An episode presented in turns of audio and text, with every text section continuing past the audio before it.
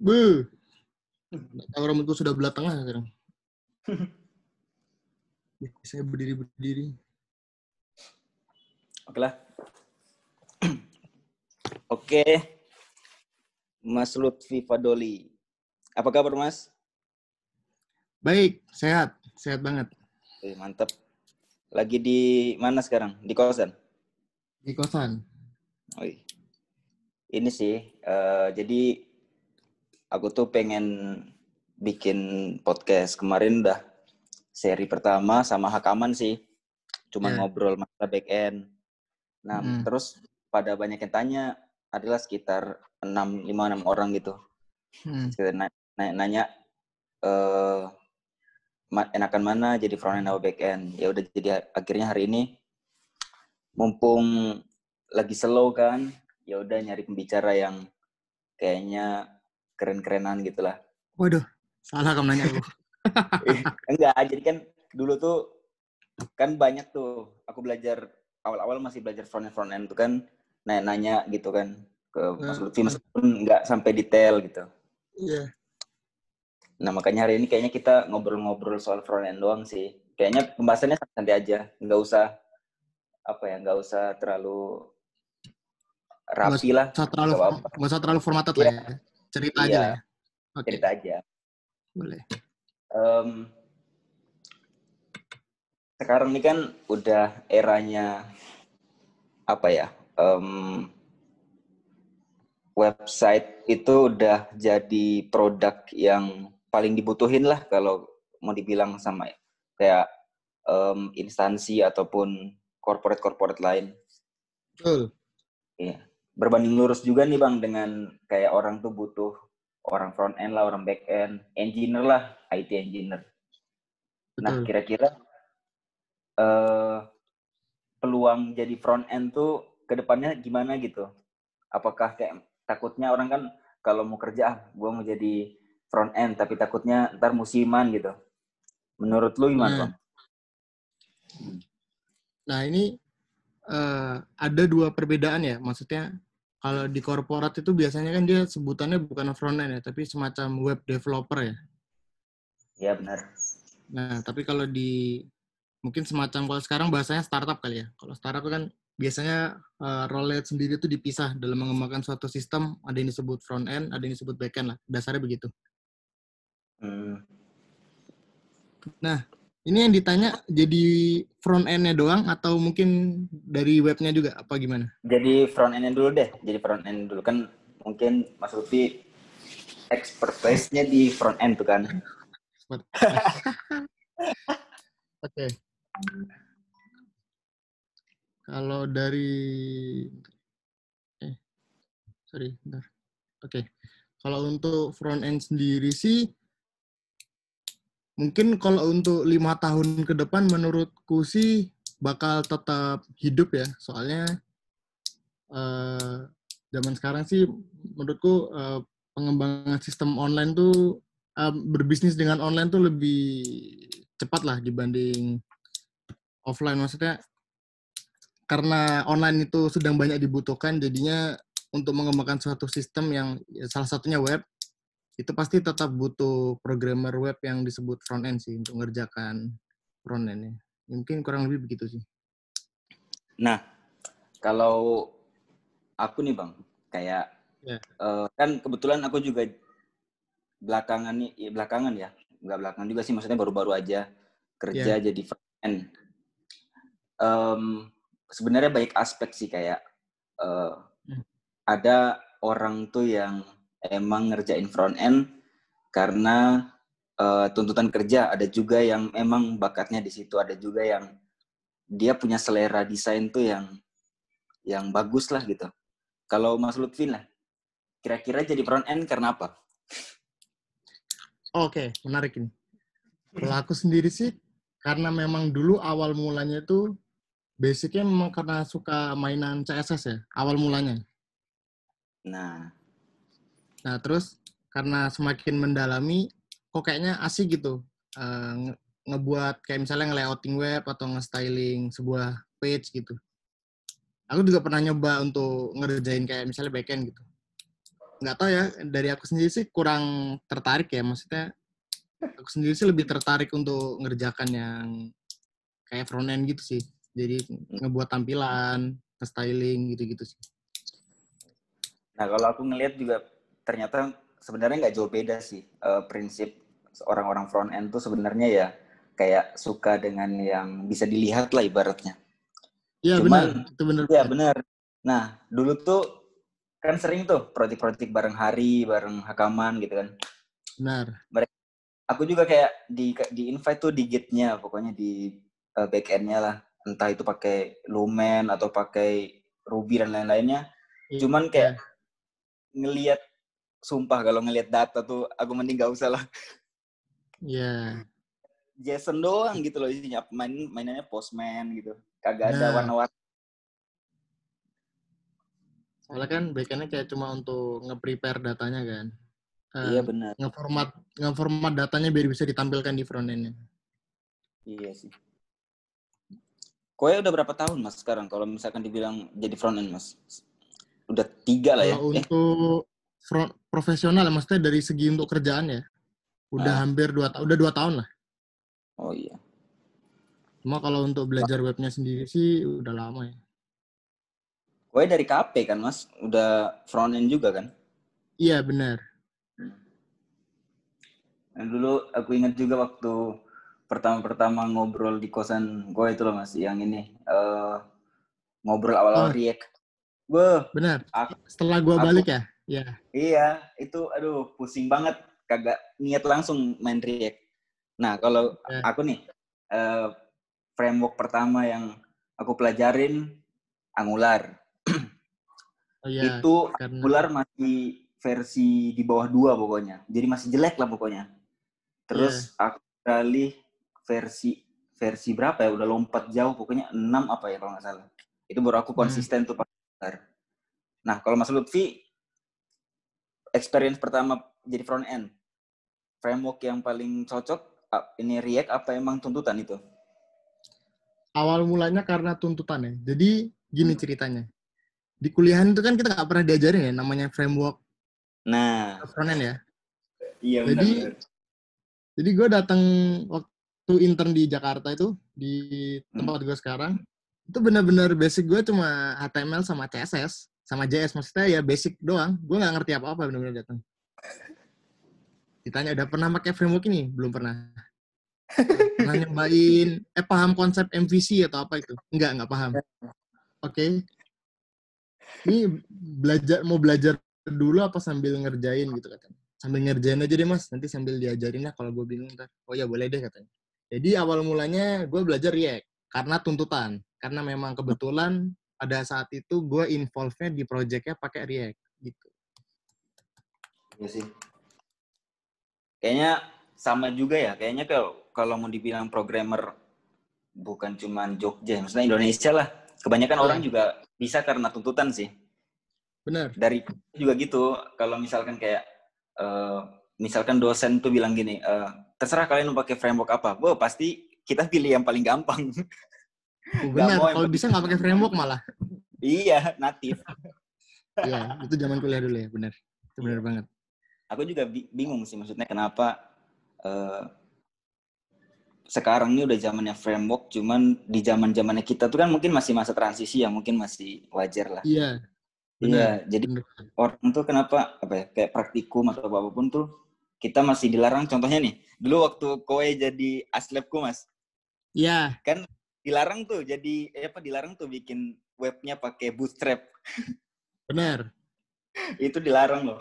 Maksudnya itu, akhirnya iya. ya udah. Hmm. Kenapa tuh? Oh, oh kalau itu gue punya alasannya. Jadi uh, sebenarnya di praktikum pemrograman web itu kenapa dilarang menggunakan bootstrap? Karena di internet itu udah banyak banget juga itu template-template ya. bootstrap gitu. Jadi mungkin lu effortless banget lu nyari header udah ada di internet, lu nyari sidebar iya, ada iya, di iya. internet. Bahkan semua button ada, contohnya di CodePen lah, di mana everywhere lah. Iya. Jadinya, iya. Ini anak ini nggak paham, anak ini cuma bisanya kopas, jadi besar kemungkinan praktikan itu tidak bakal paham apa itu CSS gitu. Maksudnya apa itu color, apa itu transform atau translate gitu, nggak bakal paham. Mereka taunya, oh di internet ada kok, tinggal gua kopas gitu. Itu Iya, sih benar. alasannya kenapa tidak boleh pakai Bootstrap dulu. Hmm. Nih, eh, modal terbesar gue juga sih bang. Maksudnya kayak eh, mau mau KPTA sampai kerja sekarang juga sebenarnya modal jadi front end ter- terbaik itu sebenarnya styling sih. Nah dulu Benar, untungnya itu untungnya dulu Ya, untungnya dulu fundamental gue tuh udah kebentuk gitu kayak contoh paling gampang nih eh, orang tuh masih banyak tuh yang nggak bisa bedain margin sama padding. benar. Orang nggak bisa bedain apa ya fungsi-fungsi flex misalkan. Nah itu Iya, itu flex flex masih banget. lumayan kalau flex masih lumayan ini ya, udah mulai agak in- intermediate lah ya kalau untuk pakai flex. Iya. Itu udah lumayan sih. Tapi Nah, segampang margin dan padding itu kalau nggak bisa bedain tuh fatal sih. Iya bener. Kadang banyak banyak orang yang kayak oh ya udah sih ini mau dibikin jarak margin aja gitu. itu dulu gue juga kayak gitu tuh waktu kuliah tuh. Wah pokoknya apa pun jarak yang penting margin. Iya, ya sama. Maksudnya ya sih ya. Waktu gue zaman kuliah awal-awal juga begitu pasti. iya bener. Ini terus juga kalau mau ada juga nih beberapa orang kayak dulu nanya bilang enak em- emangnya ya jadi front end gitu. Emang nggak susah ya ngatur styling. Kalau dari aku sih mikirnya kayak sekarang misalkan muncul header nih, eh muncul muncul eh, console error gitu. Itu tinggal di kopas cari di internet, Stack Overflow udah ngeluarin ya kan bang. Benar, benar banget. Gitu, apalagi pakai framework gitu. Ya apalagi kalau frameworknya itu sudah cukup common ya, maksudnya udah banyak digunakan orang tuh biasanya eh, problem solvingnya error itu udah banyak sih di internet. Iya. Cuma kalau emang baru itu agak mengerikan sih. Nah, aku nih beberapa kali udah eh, dulu di cetak ID lah pakai Vue.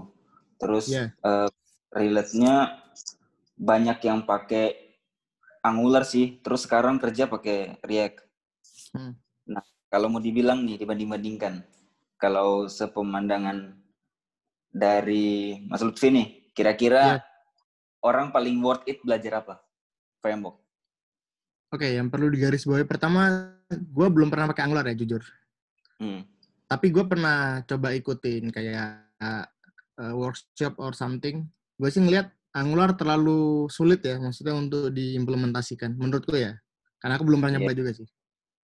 Tapi kalau untuk React atau Vue sih, untuk tingkat kemudahan menggunakannya jauh lebih mudah Vue ya, kalau menurutku dibanding React. Hmm. Tapi secara konsep sebenarnya React dan Vue sama. Cara Iya, benar. penerapan cycle-nya itu sama. Cuma dari segi code-nya maksudnya penulisannya itu jauh lebih mudah Vue dibanding React. Itu sih. Hmm. Dan beda juga sih kalau Vue kan dia bisa kayak Nux itu kan dia bisa server side rendering juga kan di Vue. Ya, Tapi benar. kalau di React kan nggak bisa sebenarnya. Iya. Karena React cuma untuk ini doang. Gitu sih. Ya itu.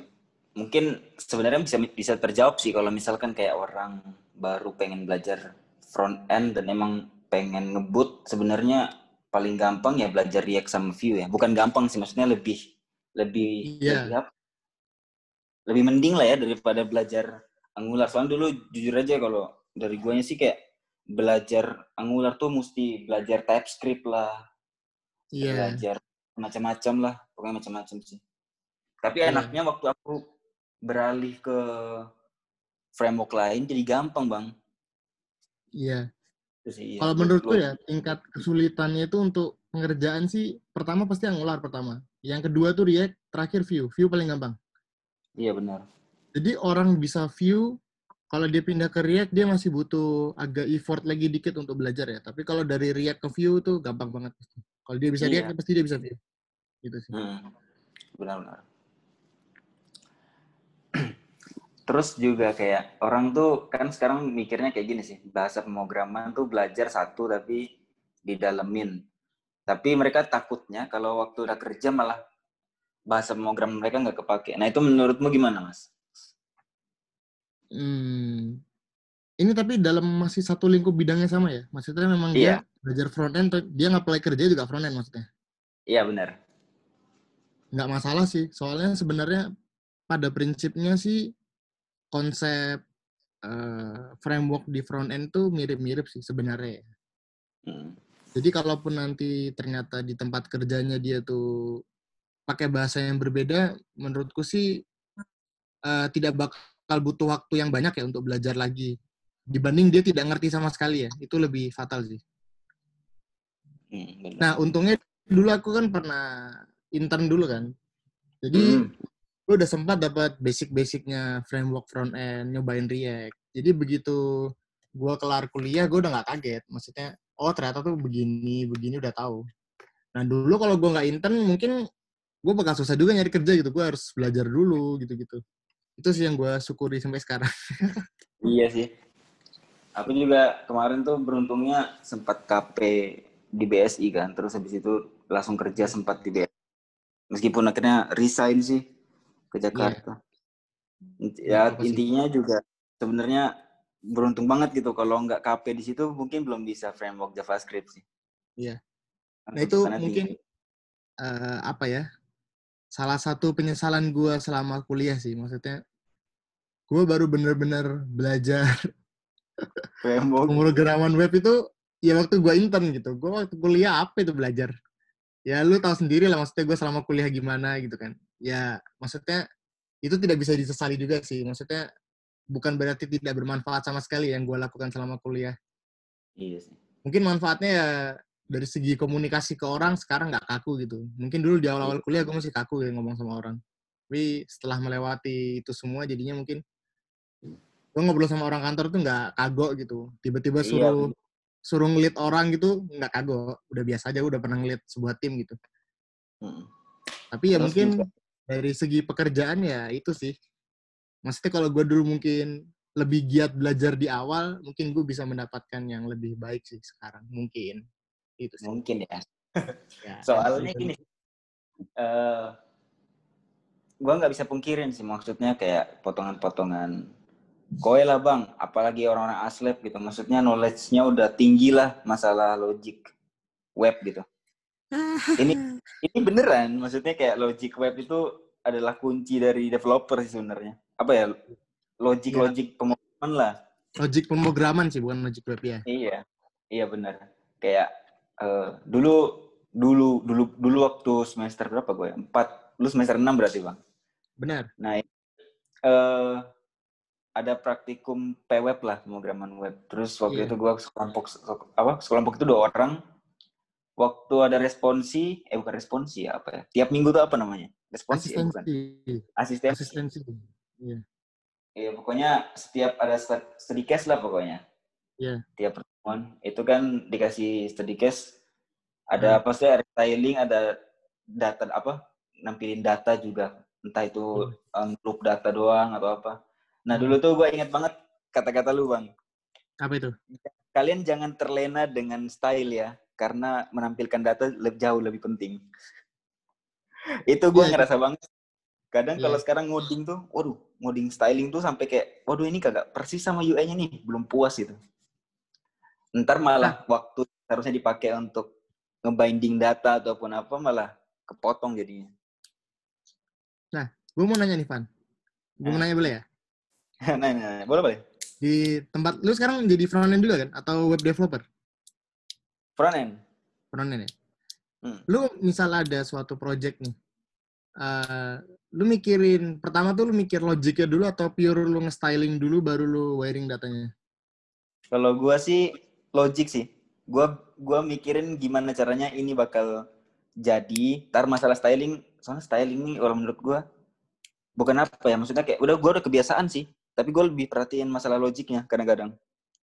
Sebagian besar kayak gitu.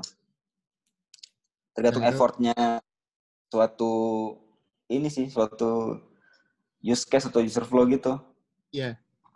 Hmm. Nah itu eh, mungkin maksudnya eh, cara pandang setiap orang tuh bisa beda-beda ya. Kalau gua sih, gua styling dulu, tak. baru gua wiring datanya. gitu. Dulu gua kalau styling habis sewaktu tuh habis semua. Gua gak masalah ngumpulin study case kagak ada datanya bang waktu dulu waktu kita PWeb asalkan styling gue jadi oh ya maksudnya kalau kuliah kan uh, ada yang dituju ya ada goalsnya gitu. Iya iya. Kalau memang materinya data ya mungkin data memang yang dituju kan tapi kalau memang materinya styling ya styling. Cuma kalau kerja kan ada goals yang lebih besar lagi kan dibanding itu semua. Iya benar. Tapi gue juga kalau mau meskipun mikir logik ujung-ujungnya gue juga kelarin slicing semua dulu sih bang Bener kan? Slicing dulu, dulu ya, kan? Baru wiring kan? Nah, yeah. Jadi misalkan ada tampilan nih. Gue yeah. slicing dulu. Ntar binding datanya pasti lebih gampang. Iya. yeah. Ya kadang Karena, sambil nge-slicing tapi sambil mikirin juga sih. Maksudnya yeah. gimana caranya ntar ketika di wiring datanya tuh mudah juga gitu. Tapi tetap ah. pasti styling dulu, slicing dulu pasti. Ada juga teman beberapa teman sih di angkatan 15 juga kalau gue ngeliat kalau mereka ngoding kagak penting gimana caranya itu styling berjalan itu urusan belakang asalkan datanya udah jalan dulu. Ada juga yang kayak gitu. Cuman gue kagak bisa sih. Kayak mikirnya kadang nah, itu. kadang nyoba binding dulu gitu dong, binding dulu lah di yeah. div misalkan. Ntar habis di binding gue rombak lagi, logikanya hilang lagi. Iya, yeah, itu menurut gue nggak tahu ya itu gue nggak tahu ya secara keilmuan yang benar yang mana ya. Cuma. Secara konsep yang benar mana. Cuma kalau menurut gue sih yang benar styling dulu sih, slicing dulu baru wiring datanya. Nah, Soalnya pasti nanti ada case-case di mana styling itu butuh sesuatu, nah itu nanti baru di kalau udah di logiknya dulu, stylingnya bakal terbatas ntar. Lu bakal bingung banget yeah. nih, gimana caranya biar bisa gini, biar logiknya nggak rusak ya. Itu kan terbatas yeah. jadi. Tapi ketika styling udah jadi, bisa lah. Logik tuh diakal-akalin uh -huh. nanti bisa lah. Iya, gitu. logik logik ngikutin styling kan berarti intinya. Iya. Bisa dibilang gitu lah ya. Ya tapi kalau bisa sih memang di awal ketika udah ada desainnya bisa dianalisis dulu sih maksudnya ini kira-kira dari segi datanya mendukung atau enggak dari segi stylingnya bisa atau enggak possible atau tidak gitu. Nah terus gue sekarang nanya balik kalau ya. uh, lu lebih suka kan seorang front end nggak bisa nih uh, lepas dari namanya orang UX lah desainer iya, gitu. produknya benar. Nah, apa ya lu lebih kadang-kadang kalau misalkan kerja nih biasanya ketemu tim yang uh, langsung invite lu ke Figma atau ke Adobe XD atau apa pun terus lu ngimport dat apa ngimport asetnya sendiri atau ada hand off-nya jadi kayak dia ngasih ini asetnya gitu. Uh, ah gitu mah itu dari segi oh ini menarik nih uh, dari segi flow kerjanya mungkin beda juga ya. Maksudnya kalau lu kan per project gitu ya, jadinya lu bakal di invite ke sebuah platform UI lah kayak Figma atau yeah. Marvel atau dan. Kalau gue yeah, sih yeah. udah pasti bakal masuk di Figma atau gitu-gitunya ya. Nah untuk asetnya sendiri sih biasanya pasti sudah di attach sih di entah di InVision-nya atau di Marvel-nya atau di Figma-nya sih biasanya. Oh. Nanti ketika asetnya itu asetnya korup, baru gue minta personal langsung ke orangnya biasanya. Oh. Ntar langsung dikirimin gitu kan? Nih yang ya, SPG-nya. Bisa, gitu kan? bisa asetnya di tadi di Figma-nya atau di mana itu diupdate atau mungkin dikirim personal lewat email atau Slack atau sebagainya. Gitu itu. Gitu sih. Nah kalau gue tuh lebih suka kayak gitu sih maksudnya kayak UX tuh terus ngasih gini ngasih. Nih, fun. Uh, ini image untuk dashboard, ini image untuk uh, or yeah. order misalkan. Nah itu tuh kayak lebih enak gitu kan. Aduh kalau udah masalah buka Figma udahlah laptop lemot. Soalnya gue bukan Mac user sih. Iya masih pakai ini Windows ya. Faktor ya faktor kecil banget sebenarnya dalam front end. Cuman gue selalu merhatiin itu sih kayak kenapa masih harus gue lagi yang import terus tugas lu apa? Iya itu. Iya. Untungnya sekarang uh, eh, UI UX gue kalau mau dibilang jago ya jago soalnya UX gue Hilman. oh Hilman di situ juga? Iya Hilman Lutfi dia yang nyuruh. Oh Hilman, iya ya. Gue kira Hilman Maulana. Hilman. Waduh, jangan dong. Makanya gue suram waktu juga ada Hilman di sana. Aduh. Oke okay, oke. Okay. Dia ada kerja di Jogja kalau Hilman, Hilman Maulana. Tapi udah lulus belum kan? Belum. Setahu aku sih belum sih. Semoga dia mendengar dan dia mau jadi pembicara besok-besok. Woi, kuman kalau dengar, gak usah lama-lama kuliah, kurang lulus. aduh, aduh. Iya itu sih. terus uh, dari sekian banyak pertanyaan, gue sebenarnya pengen nanya ini sih kayak um, kalau gue jadi front end, ketakutan terbesar gue tuh bang adalah uh, orang-orang back end yang ada di di sana di suatu hmm. project itu udah berevolusi jadi full stack.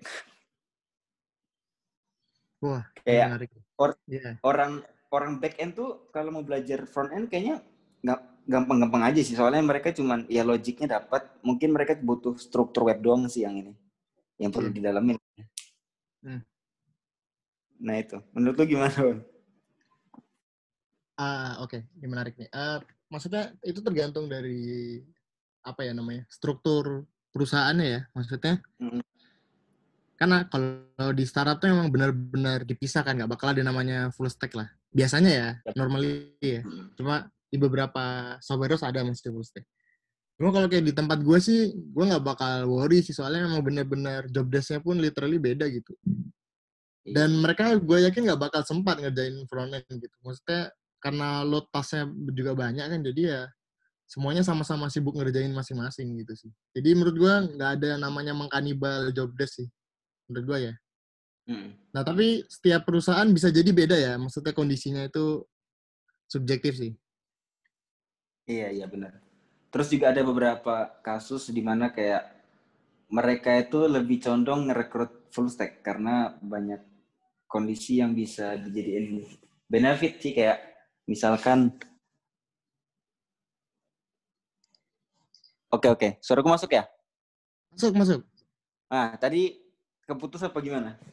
Tadi keputus uh, banyak rekrut full stack karena terus udah mati. Nah, banyak request full stack karena uh, mereka menganggapnya full stack itu lebih banyak benefit. Misalkan dulu kalau gua kerja di beberapa apa uh, proyekan lah di beberapa yeah. orang tuh kayak um, sebelum gue di Jakarta juga itu mereka lebih milih rekrut full stack karena misalkan lu ditempatkan dalam suatu tim kecil nih misalkan misalkan tim yeah.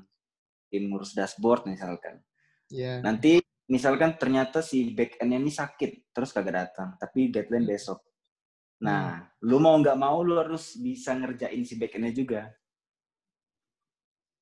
jadi lu harus bisa bersihin bersihin task yang emang orangnya kagak bisa apa lagi ada kendala gitu. Yeah. Nah, tapi kayaknya sih menurut gue sih kayaknya itu jarang banget gak sih bang? Kan jarang banget terjadi gitu. Jarang. Kalau menurutku sih ya malah justru sebuah company itu malah pengen full stack menurutku karena ini sih uh, mengoptimalkan budget sih. Lu dengan hmm. satu orang lu bisa dapat semuanya segalanya gitu lu nggak butuh iya, front end lu nggak butuh back end gitu tapi jeleknya pertama mungkin hasilnya kurang maksimal ya menurutku ya. Mm-hmm. terus uh, dari segi maintainnya gitu. Misalnya nanti sewaktu-waktu ada bug oh itu capek banget sih benerinnya karena dia sendiri kan. Back endnya dia sendiri front end dia juga gitu baru kamu stack. Tapi ketika role itu dipisah kan sebenarnya lebih enteng gitu. Hmm. untuk dibaginya itu sih. Terus orang ini sekarang kalau kerja kagak ini sih bang, kagak bisa menafik lagi maksudnya kayak yang dicari juga salah satunya gaji sih soalnya ya lu masa kerja susah kagak mau digaji bagus kan gimana gitu. Namanya juga manusia. Nah, ya. poinnya, ya. nah poinnya orang jadi front end gajinya besar apa enggak? Kalau dari pandangan gua semua developer pasti gajinya bagus sih, tergantung dari lu dapat lu ngeplaynya di mana. Benar, itu benar banget. Iya. Jawaban besar atau tidak itu subjektif juga ya, maksudnya menurut pandangan masing-masing orang ya. Iya. Mungkin ada orang yang dapat 5 juta bilangnya besar, tapi ada juga mungkin orang yang bilang 10 juta itu kecil. Itu iya, personal banget sih. Tapi pada dasarnya sih benar sih tergantung tempat di mana dia apply-nya sih. Mm -mm toh juga kalau misalkan lu pertama kali masuk juga gaji lu kagak langsung paling tinggi juga kan oh iya pasti ya iya ya kalau paling teman-teman middle banget lah kayak ya paling standar-standar awal-awal gitu. Iya benar. Tapi sama pengalaman kerja juga sih. Kenapa iya. Nah tapi ini sih um, yang perlu digarisbawahi misalkan lu emang fokus banget dengan yang namanya apa ya ya benefit lah. Semua orang kerja cari benefit.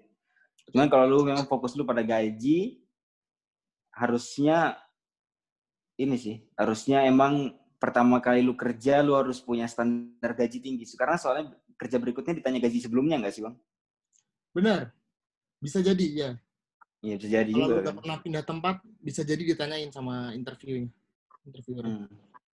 Eh, berarti lu belum pernah sempat belum pernah sempat pindah bang ya? Masih di Belum. situ ya? bahkan gue belum pernah apply kerja pan gimana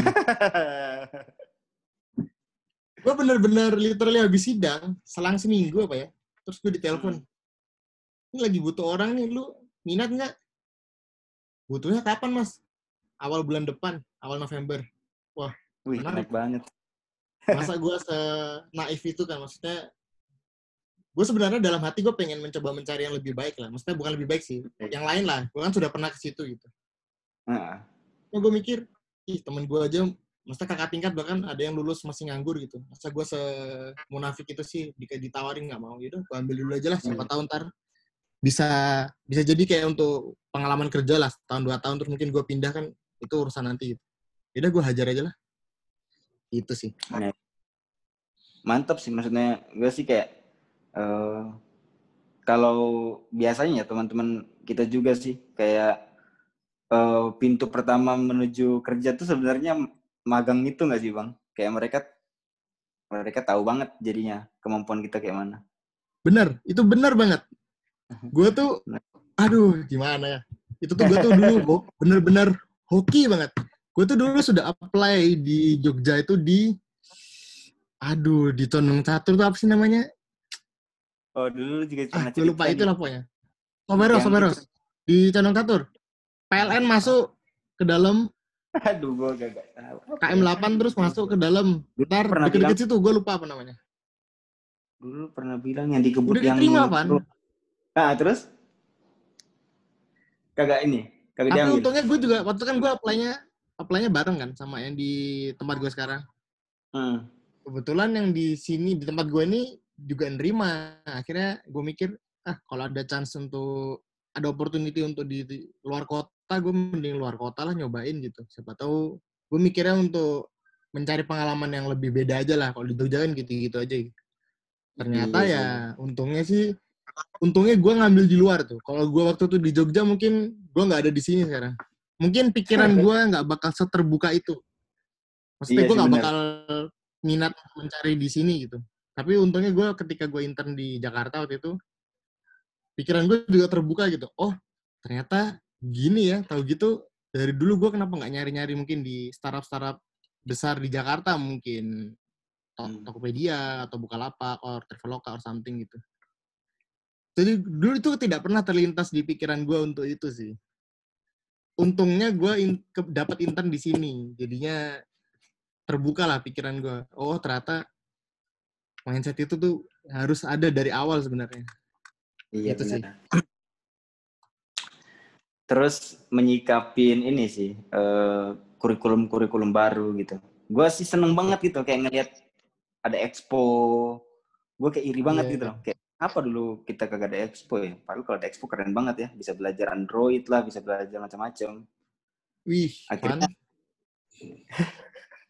minder gue Iya. sama anak angkatan 16 ke bawah tuh yang ke atas 16 ke atas 16 yang ke baru-baru Iya, 16 17 gitu kan.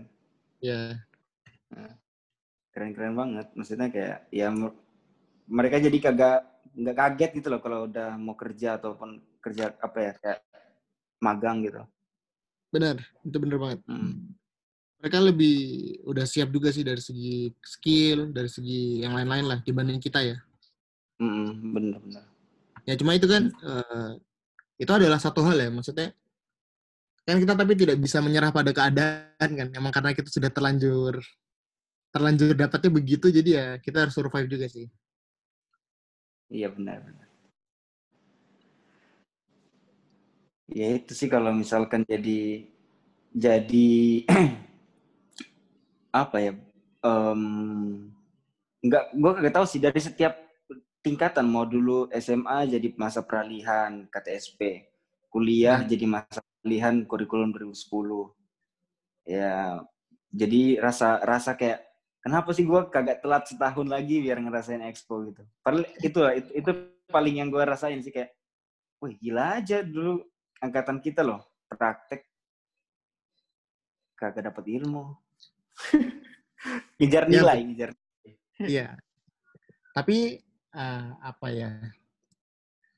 Mungkin yang tidak didapatkan di kurikulum yang baru ini mereka nggak ada jadi kayak aslep kayak zaman kita dulu sih.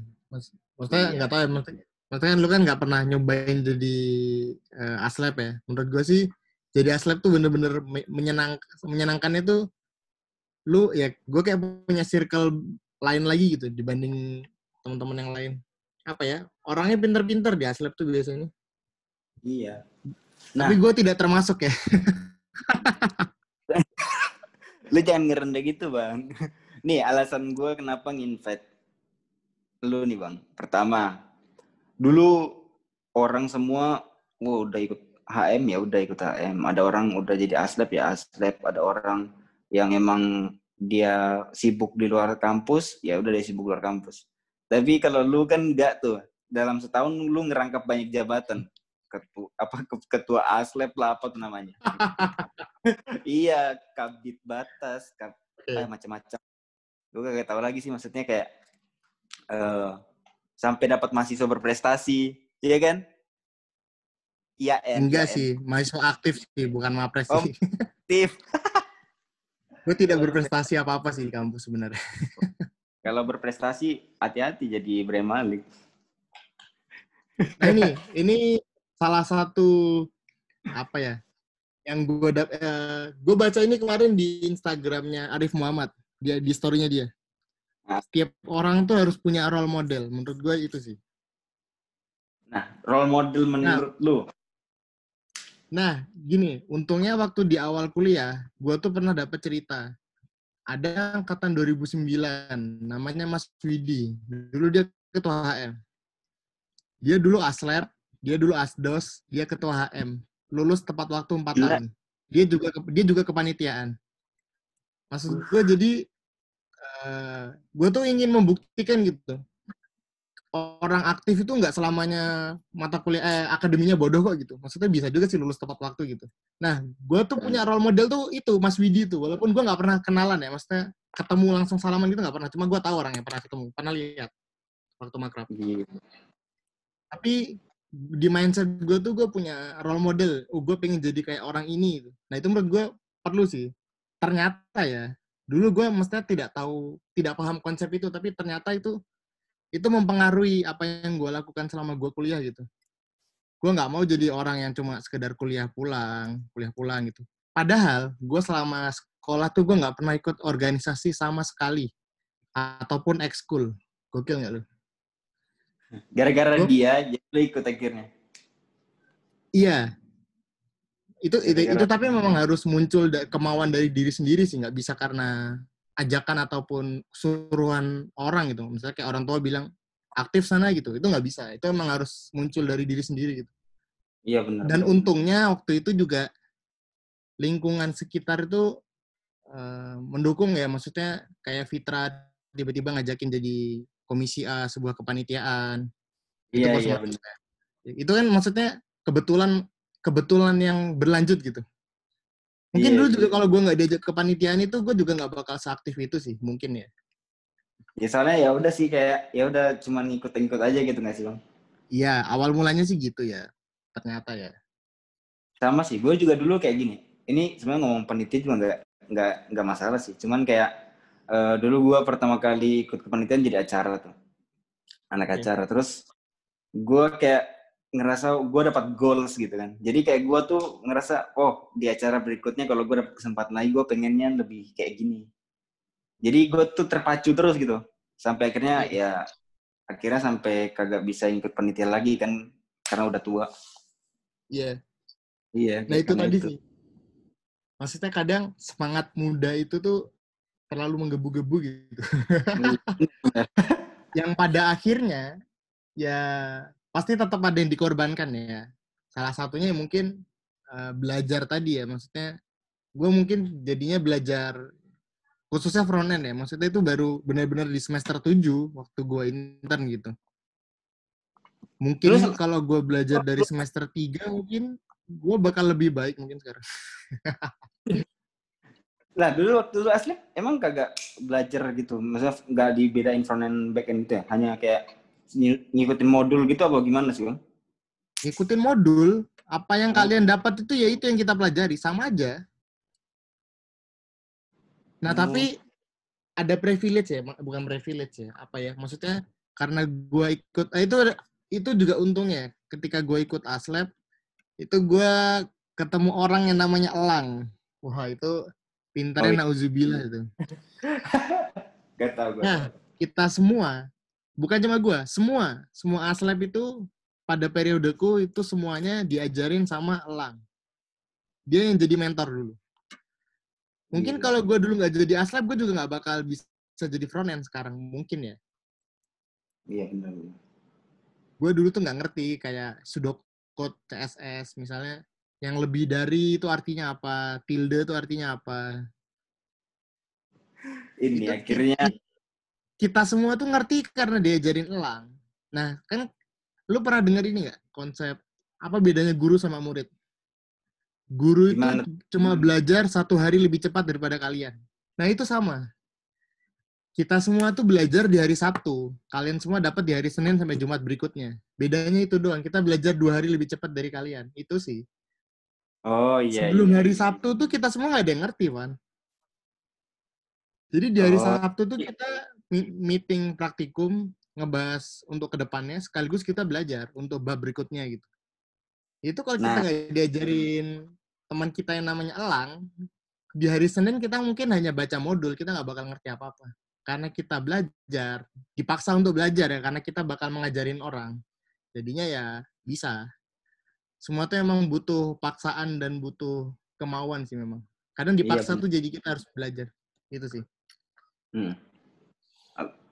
Ya bener juga sih, maksudnya kayak gue gue baru ngeh juga sih, maksudnya bener juga kalau mungkin eh dan dulu gue bertanya-tanya kayak kenapa ya asli tuh kok cair banget begitu. Dan setelah berapa lama hari ini terjawab juga sih, maksudnya kayak ternyata di belakang itu? mereka juga Apa itu? dalamin modulnya. Enggak, ternyata di belakang itu juga kalian dalamin modulnya gitu. Gue kira emang udah skill. Oh gitu. iya iya iya. oh ini, aduh, enak yang gue enak gue ceritakan ya. Jadi Apa? Kayak apa udah lulus? jadi ada salah satu dosen lah, gak usah gue sebutkan namanya lah ya. Iya iya Lu tau lah orangnya siapa pasti. Pokoknya pembinanya praktikum web dulu. iya. iya. Kita tuh minta diajarin sama beliau di awal. Maksudnya kita minta di run through semua materi dari awal sampai akhir lah di modul itu kan. Waktu kita penurunan modul dari beliau ke kami semua. Itu beliau ngajarin cuma ngebacain modul dari awal sampai akhir. Kalau gitu kita bisa baca sendiri, Pak. Kita tuh minta diajarin basicnya. Maksudnya kayak misal CSS lah dasarnya. Mungkin pseudocode itu, pseudocode CSS tuh sebenarnya tuh maksudnya gini, tilde tuh kayak gini. Dia enggak, dia bener-bener baca modul. Ya kalau gitu kita semua bisa baca sendiri. nah itu bahkan dosen pun begitu gitu. Jadi pada akhirnya memang kita struggle sendiri untuk aslab itu. Itu waktu zaman PW kalian jadi praktikum, praktikan tuh, wow itu mati-matian kami belajar tuh. Gue juga kayak apa ya? Wih, kalau mau dibilang dengan bahasa pemrograman, emang gue dulu anti banget sih kayak pertama kali waktu maba hari Senin gue kuliah itu hari pertama mata kuliah yang masuk tuh Alpro 1. Lu bayangin aja Bang kayak biasanya belajar biologi, fisika, matematika. Tiba-tiba hari pertama belajar pemrograman, gue gak ngerti apa-apa. Lo memang dari SMA belum pernah tersentuh sama pemrograman sama sekali ya? Belum. Gua tuh Oh. mulai ngoding, mulai ngoding, gua rajin ngoding lah. Itu waktu PWeb aja. Setelah itu gua kagak, su- iya. kagak sebelum itu nggak ada tuh. Karena PWeb ada tampilannya ya. Ada wujud Iya. yang bisa kalian lihat ya. Dulu, iya bener. Dulu apa ya? Eh, Alpro 2 apa ya? Yang masih pakai NetBeans tuh apa ya? Iya. Anu, Iya. eh, pemrograman Java apa ya namanya? Pemrogram PBO, PBO. PBO, PBO, pemrograman Iya. berorientasi objek. Nah, itu itu aduh, ini aslet gua Mas Fahrul, Fahrul Hasbi. Fahrul. Oke. okay. Kenapa? Besok resepsi baru dia malam tuh kelar semuanya. Kerjain di rumah dia. Waduh, itu kagak ada yang bener sih. Aduh, emang kacau, kacau banget sih kalau mau bilang belajar web, ah, belajar codingan tuh emang.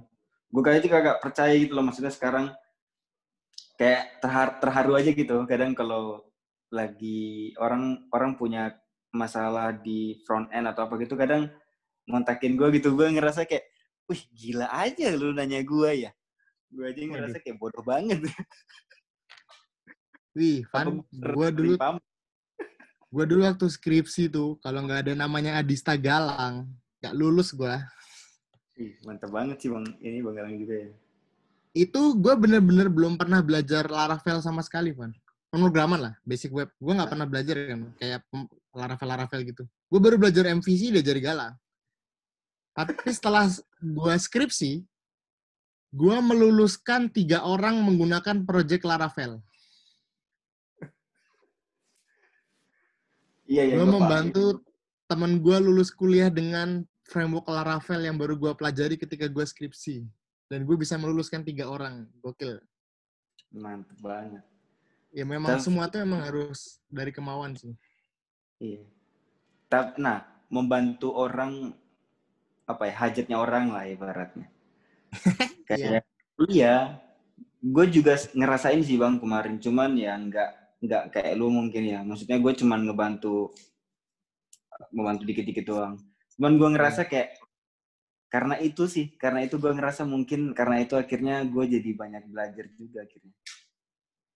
Kayak ada tuntutan yeah. lebih gitu. Eh, takutnya ntar si ini nih nanya gue, gue gak, gak tahu kesian juga gitu. Iya. Yeah. gue cari tahu akhirnya. Nah, gitu. ini nih, ini menarik nih.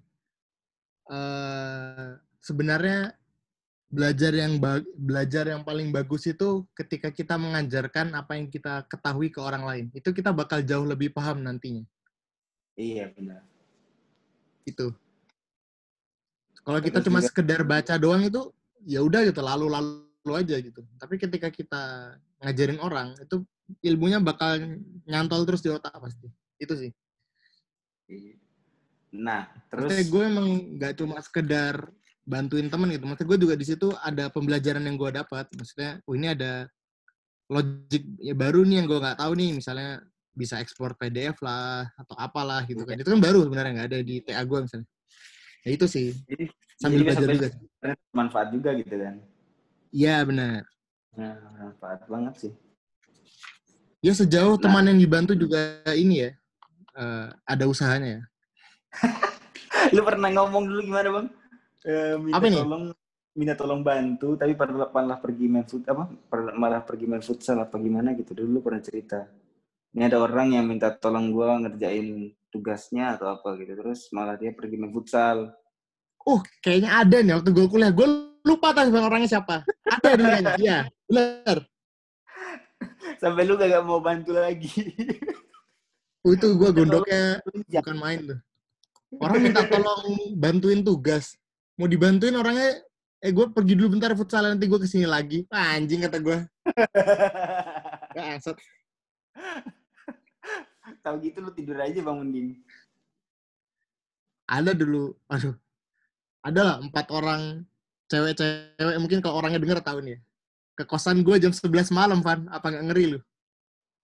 Gila. Untuk apa? Minta bantuin tugas sampai jam 4 subuh Gila. Untung tapi lu kagak kayak gue. Tapi maksudnya memang mereka rame-rame juga sih. Maksudnya walaupun oh. cewek tapi empat orang.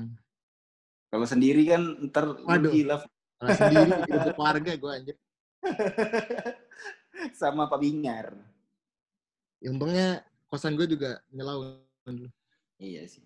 Itu maksudnya kalau orangnya ada usahanya gue masih mau bantu gitu. Tapi kalau ketika orang yang minta bantuin tapi pas dibantuin cuma main Mobile Legend, wah Minggir aja lah gue skip. Nah, ini semoga karena lu ngomong Mobile Legend, Mas Bambang dengar. Mas Bambang tuh belum KKN tuh, Bang. Anjir.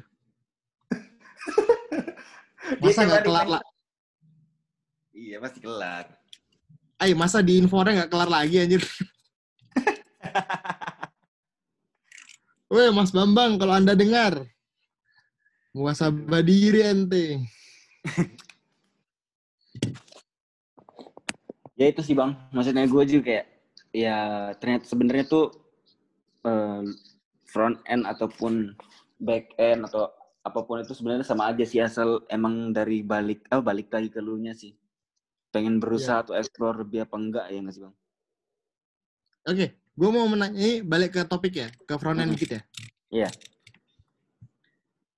Uh, kalau di tempat lu sendiri front end itu maksudnya uh, penurunan desainnya itu gimana dari tim desain ke lu tuh? Maksudnya apakah ada kayak sprint planning baru dua minggu nanti di tengah-tengah misalnya ada desain yang gak jelas kayak gimana gimana itu gimana kalau di tempat lu? Um, di tempat gua sekarang nih kayak uh, kebetulan di tim gua UX-nya ada dua karena tim tim besar sih tim gede. Nah itu dipisah-pisah lagi itu nanti kan ada yang untuk mobile dan untuk web gitu.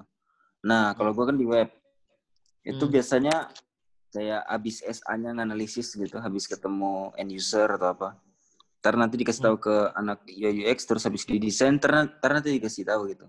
Fun ini biasanya kan sprint planning Jumat tuh untuk kalau hmm. nggak Senin, yang Jumatnya sprint review kagak kelar apa nggak sempat untuk sprint planning hmm. Senin gitu kadang. Nah itu biasanya paling ya Rabu atau Selasa kadang kalau lebih cepetnya itu udah selesai ininya. Nah, kadang juga tim UI ini um, ngerjain bar request gitu. Kayak misalkan, oh ternyata kita butuh ini di tengah-tengah gitu. Langsung didesainin, hmm. terus ntar dikasih tahu gitu. Cuman gue kagak tahu sih ya, end user di sini juga kadang-kadang barbar banget bang. Maksudnya kayak, barbar tuh gimana? Barbar banget kayak, karena tiba-tiba lu ada revisi gitu. Ini lu, ah ini, ini harus kayak gini. Sedangkan itu tuh hari Kamis besok ditampilin. Be itu kadang gua ngerja apa kemarin aja gua ada ngerjain satu tas satu apa dua frame. Dua frame itu gua cuman model wireframe cuma eh. model kotak-kotak doang. Ini bener banget nih. Ini menarik nih. Lu sering ada itu gak sih? Kayak re, uh, bukan re, eh, kayak request misalnya eh buatin ini dong mau untuk iya, iya kapan iya, besok pagi. Anjir. nah itu, itu salah satu suka dukanya front end ya dibanding back end ya. Iya iya. Maksudnya misal nih, uh, om, gue nggak tahu ya maksudnya kalau case-nya di kayak company yang kayak tempat lu sekarang. Ya. Cuma kalau di tempat yang model kayak tempat gue sih, misal ada campaign nih, mm campaign untuk hari Jumat gitu. Oke, okay, terus terus kenapa? Uh, mau ada ini static page gitu. Oke. Okay. eh bukan dia belum ngasih tahu untuk kapan ya. Dia bilang mau ada campaign. Oke okay, ada campaign. Apa nih static page? Mau untuk kapan? Hari Jumat. Ini sekarang sudah Rabu sore kan? Oke okay deh. Kalau jadi desainnya hari ini bisa lah sehari besok ngerjain. Oke. okay. Tiba-tiba desainnya jadinya kami sore terus harus naiknya Jumat pagi. Kan jadi iya. ngerjainnya sampai malam ya? Iya sih. Ya itu sih sebenarnya oh iya itu kan backend nggak ada kan maksudnya backend nggak perlu itu cuma satu dong itu suka dukanya frontend itu sih iya nah lu juga sering ngerasain ini gak sih bang kayak misalkan lu udah ngerjain slicing lu ngerasa kayak oh udah kelar gitu lu iya, push ya, gitu ke lu push udah selesai lu ngerjain yang lain Terus tiba-tiba hmm? lu, lu lu lu sering gak sih kayak nge-follow up, eh API-nya ini udah jadi belum sih? Oh, belum, belum, belum. Pas API-nya jadi tuh besok paginya udah dipakai. Lu ngebindingin ternyata butuh effort. Lu baru sadar kayak, waduh, ternyata susah gitu. Iya. Yeah. Kan kadang orang mikir tuh mungkin kayak, oh ngebinding ataupun uh, get data atau apa tuh sebenarnya effortnya ya cuman ngeget ngeget doang. Ya sebenarnya iya juga sih, cuman kayak pada beberapa kasus tuh ternyata kita butuh logik yang lebih gitu kan. Nah itu tersering terjadi tuh, tiba-tiba besok pagi dipakai, dikasih API-nya hari ini nih misalkan. Waduh, itu kadang sering banget sih kalau gue sih. Wah ya ini ini ini bener banget nih, relate banget nih. Tapi kalau gue case-nya bukan bukan API-nya, Van. Kalau gue case-case yang lain. Contoh. Jadi kan di tempat gue kan kayak tim SEO-nya tuh ada sendiri. Ah, Terus backend-nya sendiri, misal-misal gitu. Nah, misal eh, besok mau jad, besok udah mau naik nih met, eh, meta description, meta title untuk SEO-nya tuh belum ready dari tim SEO-nya. Jadi harus kejar-kejar lagi. Terus eh, misalnya ada button share nih. Eh, link sama teksnya belum ready dari tim kontennya. Terus misalnya mau naik besok, tiba-tiba ada asetnya belum jadi dari tim kreatifnya. Jadinya kan pada akhirnya kan nantinya yang dibebankan pasti kan tim webnya kan, karena webnya yang harus naik kan. iya bener. Jadi mereka misal jadinya sore ya kita ngerjainnya malam kan jadinya. Ya itu sih. iya. Jadi ya mau nggak mau bete ya kerja paling terakhir jadinya kan. Kita yang nungguin mereka tapi mereka duluan kelar jadinya. Ya itu sih. Gua betenya. itu maksudnya kalau memang mau jadi ya itu salah satu bukan suka duka ya maksudnya itu salah satu pengalamannya di tim web atau front end tuh itu sih Mm. Harus siap lah, lu harus siap sama perubahan sih. Itu ya penting. karena ya nggak cuma web ya maksudnya platform apa pun ya kayak Android ataupun iOS dan web ya maksudnya yang ngerjain itu tuh pasti bakal kena ampas-ampasnya dari tim lain pasti ya backend Iya. lah ya apalah gitu Benar-benar. Tapi so far sih gue masih senang sih ya maksudnya ngerjainnya karena memang gue minat di situ sih. Nah, itu dia sih, Bang. Oke. Kayaknya sih udah kita udah ngobrol banyak banget sih, Bang. Udah Udah panjang lebar juga. Oke oke. Nah, kayaknya sih gue bakal beberapa kali lagi kalau ada kesempatan gue bakal ngajak lu lagi sih. Kayak kita ngobrol Boleh boleh. eh, ngobrol lebih lebih lebih jauh lagi mungkin di seri-seri berikutnya lah. Thank you Bang ya. Bebas. Oke. Boleh boleh. Oke. Oke, Sip. Oke. Assalamualaikum. Waalaikumsalam.